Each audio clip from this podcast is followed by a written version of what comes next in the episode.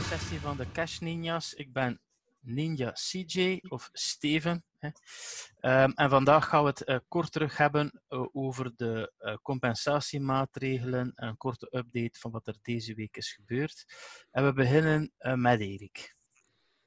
Ja, goedenavond. Ninja One. Um, ja, wat is er nu de laatste weken gebeurd? Ik denk dat iedereen wel zijn aanvragen heeft gedaan voor de compensatiepremie uh, wanneer ze de hinderpremie niet ontvangen hadden.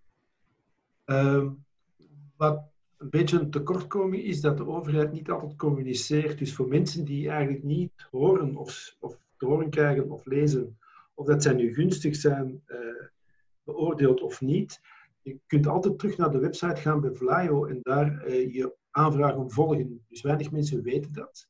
Meestal krijg je wel een positief bericht uh, uh, wanneer dat goedgekeurd is. Nu heb ik gemerkt bij de, hinder, sorry, bij de compensatiepremie, is dat men vrij snel vragen begint te stellen. Dus men, gaat dat niet zo gemakkelijk toekennen als de hinderpremie. En men vraagt wel uh, waarom dat je echt die hinderpremie, sorry, die compensatiepremie aanvraagt. En waarom dat je niet een, uh, een verplaatsing hebt kunnen doen om eventueel documenten te gaan halen of, of andere zaken zoals in onze beroep noodzakelijk is. Ik heb nog een andere ervaring gehad met BTW. Ik heb het denk ik ook een aantal weken geleden gezegd. BTW en de, de federale diensten die werken eigenlijk nu heel snel. Op het moment dat je een BTW-achterstand hebt of een bijzondere rekening, is het nu -hmm. echt het moment om een uitstel te vragen voor zes maanden. En je krijgt daar binnen de 24 uur een positief antwoord. Ik heb nog geen enkel, ik heb een, een vijftal gedaan, ik heb nog nooit een negatief antwoord gekregen. Nou, stop. Voilà. Andere ervaringen? Daniel? Wel, ik uh, wil vragen aan Erik. Uh, dus ik ben Daniel Maas, Ninja Dam, voor alle duidelijkheid. Uh, ik wil vragen aan Erik voor welke activiteiten is die compensatiepremie aangevraagd? Want zoals ik het begrepen had, is er een bepaald aantal NACIBAL-codes. En bijvoorbeeld diensten aan ondernemingen heb ik daar niet echt in gezien. Dat klopt, er staat een lijst bij. Uh, en het gaat vooral over events en andere zaken. Maar ja, ik ga ervan uit dat al de zaken die op die lijst staan, zijn eigenlijk mensen die 100% recht hebben op de hinderpremie. Dus ik moet een rare lijst. Dus ik heb ook het advies gegeven, uh, wanneer dat men de compensatiepremie wil aanvragen, dat men toch wil doen. Het is aan Vlaio, die gaat onmiddellijk gaan kijken naar die NACE-codes. Uh, maar ik denk dat ze in sommige gevallen niet echt meespelen. Je moet dus kunnen bewijzen dat je 60% van je omzet verloren hebt in de referentieperiode. En die referentieperiode die, die gaat van uh, 14 maart, de zaterdag, tot 30 april. En dan moet je eigenlijk kunnen bewijzen dat je 60% omzet verloren hebt. In de aanvraag die ik heb gedaan, of die klanten van mij hebben gedaan die niet in die lijst stonden, uh, heeft mij wel al teruggekoppeld met, met, uh, met extra vragen, maar nog niet uh, met de boodschap dat zij de verkeerde NACE-code hadden. Okay. Hmm. Wat is een NACE-code en waar kun je die NACE-code vinden eigenlijk? Of allee, uw eigen NACE-code, want je moet al eerst weten wat je zelf zet ook. Hè? De NACE-code, dat is in feite de activiteitencode. Dat is een, een ganse reeks codes. Uh, uh, en ja, dat kan teruggevonden worden. Als je gewoon op internet gaat kijken, daar kun je die lijst terugvinden. Als je in tekst uh, googelt NACE-codes, dan, dan gaat je die lijst terugvinden. Uh, om uw eigen uh, KBO, om uw eigen NACI-codes te kennen, dan moet je eigenlijk naar, de, uh, naar uw KMO-loket um, gaan kijken um, op de public search, op de foto. Search is het meest gekende, ja. ja. Dus als je naar public search gaat en je geeft je eigen BTW-nummer in, of een BTW-nummer van iemand anders, het is gewoon een, een openbaar gegeven, dan zie je eigenlijk al je basisgegevens en ook met die gegevens werkt de overheid. En daar staan je NACE-codes in, zowel voor BTW en of RZ als ze verschillend zijn. Oké. Okay. En eigenlijk is dat ook uh, belangrijk om, om dat uh, eigenlijk voor iedereen een keer te gaan nakijken. Uh, ook al niet in het kader van de compensatiepremie, maar die codes zijn toch al belangrijk. Uh, er is uh, uh, onlangs ook het voorbeeld gegeven van iemand, een, rechter, een, in ondernemingszaken, die dat frequent op de rechtbank tegenkomt. In die zin, als er vorderingen worden gesteld voor activiteiten die buiten de codes vallen van, waar, waarvoor dat onderneming geregistreerd staat, ja, dan is gewoon die vordering niet. Dus dat is zeer belangrijk voor iedere onderneming. En er zitten trouwens ook wel wat fouten in, historische fouten van lang geleden toen dat overgenomen is van het, uh, uh, van het uh, handelsregister.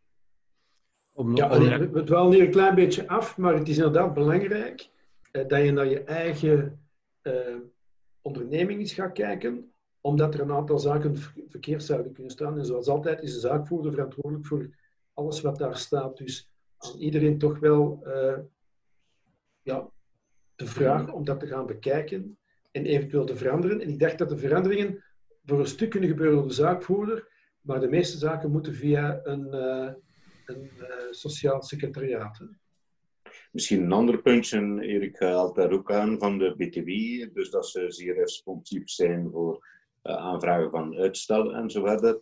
heb je bij klanten waar, waarbij dat de BTW-teruggave gevraagd is, al ondervonden dat dat sneller zou gaan? want ik moet zeggen, tot op dit ogenblik heb ik daar uit eigen ervaring niet ondervonden. Nee, ik ook niet. Ik heb nog niet gezien of gehoord dat men vroeger de BTW zou teruggekregen hebben. Ik dacht dat men dat de eerste keer ging doen, 30 april. En dat is volgens mij niet gebeurd voor de maandaangiftes, maar ik kan mij vergissen. Dus, ik heb ja. ook, um, ik heb ook uh, een situatie gehad waar er een BTW teruggevraagd is, maar ik heb daar ook nog niets van gezien of niets van gehoord. En nog eventjes om terug te komen op die compensatiepremie, op die uh, NACE-codes. Um, in de aanvraag eigenlijk heb je effectief, of als je de aanvraag in niet hebt, eh, heb je effectief een lijst eigenlijk voor uh, codes die zogezegd in aanmerking komen. Maar onderaan staat er, moest uw onderneming, voor wie dat de aanvraag gebeurt, eigenlijk niet in die lijst voorkomen, motiveer dan waarom dat je denkt dat je er recht op hebt. Dus je kunt wel ah. degelijk ah. buiten die codes gaan motiveren waarom dat je dus... denkt dat, dat, je daar, uh, dat je daar recht op zou hebben. Ja, volgens mij is dat die 60% omzetverlies belangrijker dan die NACI-codes, dat verhaal. Ik, ah. Zo interpreteer ik het ook, ja. Nu, uh, een bedenking die ik mij ook maak, veronderstel, ik weet er is uh, iets voor nieuwe ondernemingen, dan wordt er verwezen naar het financieel plan. Uh, dus die, die niet kunnen bewijzen dat ze dat die, die vorig jaar eigenlijk geen omzet hadden, dan wordt er verwezen naar het financieel plan. Maar zijn sommige ondernemingen die geen financieel plan nodig hebben, dan wordt er gezegd, moet er één opgemaakt worden. Maar wat nu met de situatie, ik gooi het maar in de groep, hè, wat nu met de situatie, het is geen startende onderneming. Vorig jaar omzet nul. En wat is dan de referentie nu? Hè? Natuurlijk, 0% van 0 is 0, maar bon. Ja, dat is de moeilijke. Ik denk dat je altijd op die moet proberen. En, en eigenlijk toch, ik denk dat je zelfs nu nog een plan kunt opmaken. Dus je kunt opnieuw zeggen van kijk, ik heb een verwachtingspatroon voor dit jaar. En daar ben ik ondergevallen. Ik bedoel, je moet op een of andere manier proberen te, te bewijzen. Mhm. Natuurlijk, in, in dat verhaal zal men minder geneigd zijn om dan die premie te geven. Maar ik denk dat, alles, ik denk dat alles in de... Ja, in hoe goed dat uw motivering eigenlijk in elkaar zit en standaard. Ik denk, is misschien bizar om te zeggen, maar in bepaalde gevallen gaat je het een beetje moeten verkopen dat je er recht op hebt, denk ik. Ja, ja, ja. Daar heb je groot gelijk in, Louis. Nu zou het uh, ook iets eh, kunnen zijn, de motivering. Uh, bijvoorbeeld, er zijn, ik ga, ik, ga, nu uit eigen ervaring spreken, ehm, dus voor de, de tijdelijke tegemoetkomingen in feite, de maandelijkse uh, overbruggingsrecht. Dus dat heb ik wel ontvangen. Ik heb ook ontvangen met dezelfde motivering heb ik ook uh, een, een, uitstel ontvangen voor de sociale bijdrage. Uh, misschien kan dezelfde motivering ook gebruikt worden. Hè? Ja, maar alleen moet je in die compensatiepremie echt die 60% omzetverlies kunnen aantonen. Hè, voor die periode. Ja, of ja ten opzichte van de referentieperiode. En ik, ik denk dat, dat sowieso die motivering belangrijk zal zijn, want eh, natuurlijk het probleem met 60% omzetverlies eh, op een periode, het is wel van 14 maart tot 30 april, dat was de periode. Ja, ja. Ehm, ja dat is natuurlijk wel het, in, vele gevallen eigenlijk gaat het omzetverlies zich pas later manifesteren natuurlijk. Hè. Als, je, als je factureert voor al hetgeen dat je gedaan hebt voor de 14e maart, ja, dan gaat je tussen 14 maart en 30 april gaat er wel nog inkomsten hebben natuurlijk. Hè. Dus ja, dat is misschien ook niet duidelijk. Ja, ik, weet, ik heb ook nog geen ervaring hoe dat erop gereageerd wordt, dus uh, op de aanvraag. Dus, um... Nee, maar ik denk dat, dat hier, de, allee, dat we allemaal hetzelfde denken. Je moet het één kunnen verkopen en je moet uh, dan vervolgens kunnen ondersteunen met een verhaal.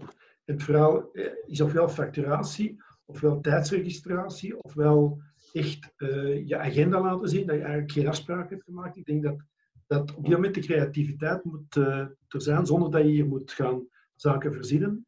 Maar je moet toch aantonen. En natuurlijk, een groot verschil tussen die hinderpremie en die compensatiepremie is dat die hinderpremie die 4000 euro is en dan om de 14 dagen nog eens 1600 euro. Uh, de compensatiepremie is maar een eenmalig bedrag, is 3000 euro en is het gedaan. Hè? Ja, klopt. En ik ben ook iets tegengekomen met mijn klant. Uh, we hebben een aanvraag gedaan voor vijf filialen en we hebben er maar drie uh, goedgekeurd gekregen. Nu, uh, wat was er gebeurd? er zijn drie filialen in Vlaanderen en er zijn er twee in Wallonië. Dus via de Vlaio hebben wij onze aanvraag gedaan voor de Vlaamse filialen. Maar dus sinds, sinds vandaag weet ik dat we bij, op het Midas-portaal moeten zijn voor filialen in Wallonië. Dat is misschien ook handig om dat eens mee te geven aan, aan onze kijkers en luisteraars. Waar, waar dat, dat ga je niet doen. Dus je hebt... Waar dat de ninja zal niet slecht voor zijn, hè, Luc? Voilà. Oké, maar je gaat nu die aanvraag doen in Wallonië. Dus die, die negatieve antwoorden is niet definitief verloren. Ja, want dat waren geen negatieve antwoorden. We kregen gewoon voor drie filialen een, een subsidie, maar uh, niet voor de twee andere. De twee andere filialen is niet van toepassing omdat ze niet op Vlaams grondgebied zijn. Voilà. Dat is het probleem. Voilà. Okay, ja. Dus... Uh, en voor Welkom zelf, in België. Ja. Oké, okay, maar uh, Luc, dus, jij gaat ons dan de volgende updates kunnen, kunnen informeren hoe dat, dat dan verlopen is, die aanvraag. Hè? Ja, oui, oui. Oui, oui, Louis. Oké, okay, perfect. Dat was zeker. Ja. Ja, ja dan leggen we weer een sessie neer. En wat zeggen we dan? Chaka! Chaka.